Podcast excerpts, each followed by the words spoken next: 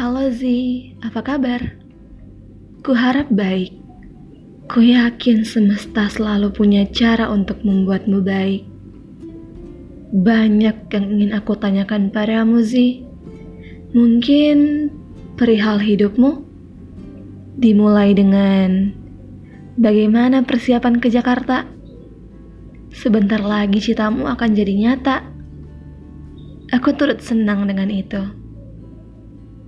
Namun sekarang bukan itu yang menjadi titik fokus pembicaraan. Pergimu bukan topik yang bagus sebenarnya. Tidak akan pernah terdengar baik. Menghitung bulan, menghitung waktumu untuk beranjak pergi. Sebenarnya ingin kusampaikan langsung padamu, tapi tidak.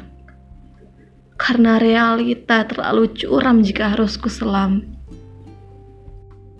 Sebentar lagi kamu akan segera berahli dari kota yang melukis cerita kita, Zi.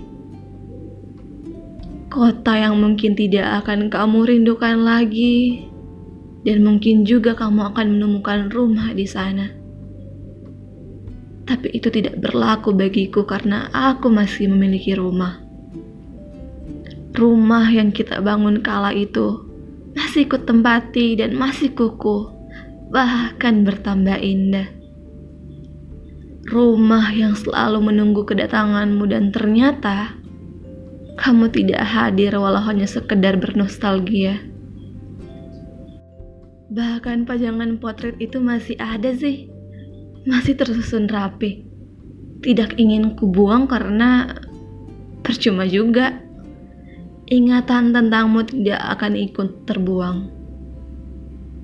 Tapi Zi, waktu kamu memutuskan untuk pergi kala itu, kamu bilang, Vi, semoga kamu menemukan laki baik. Maaf, perkataanmu itu salah.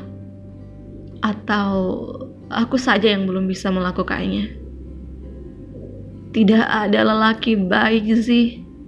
Sejak kamu pergi, aku berhenti percaya kepada kebaikan. Ya, aku tahu itu salah. Tapi semua kebaikan rasanya hanya akan menuntunmu untuk masuk lebih dalam lagi. Dan waktu kamu bilang, maaf telah menjadi lelaki yang buruk, Vi. Dengar kamu bilang begitu, ingin ku bilang, enggak, kamu baik sih terlalu baik makanya kamu memilih pergi bukan? Namun keputusanmu berkendara tanpa membawaku menjadi alasan kenapa suara itu tidak pernah terucap. Tidak selamanya tinggal meninggalkan itu salah kan? Makanya aku menerima. Lebih tepatnya, berusaha menerima. Selalu kuandaikan kamu akan datang menjemput dan membawaku ke sebuah perhentian yang tidak ada ujungnya. Selalu kuandaikan kamu akan datang dan tidak akan bersuara mengenai kepergian. Sebuah kepergian yang tidak ada dalam rencanaku. Jika orang lain menilai cerita kita, sih, pasti mereka akan marah padaku karena selalu membenarkan kepergian sepihakmu itu. Ya, kepergian yang tetap meninggalkan jejak, meninggalkan luka yang kian retak, mendatangkan mimpi buruk yang selalu muncul tanpa diminta. Bohong jika aku bilang itu nggak apa-apa. Tapi mereka harus belajar sih Gak semua cinta akan menyatu dengan pemiliknya. Gak semua cerita harus berakhir bahagia seperti cerita kita. Satu hal lagi.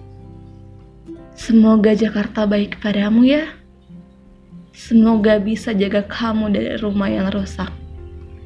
Aku tidak tahu bagaimana nanti kisahmu bersama kota asing yang akan jadi pijakan barumu itu yang mungkin menjadi tempat pelabuhanmu. Kuharap sebaik yang kukira. Aku selalu menunggu cerita barumu bersama Jakarta sih.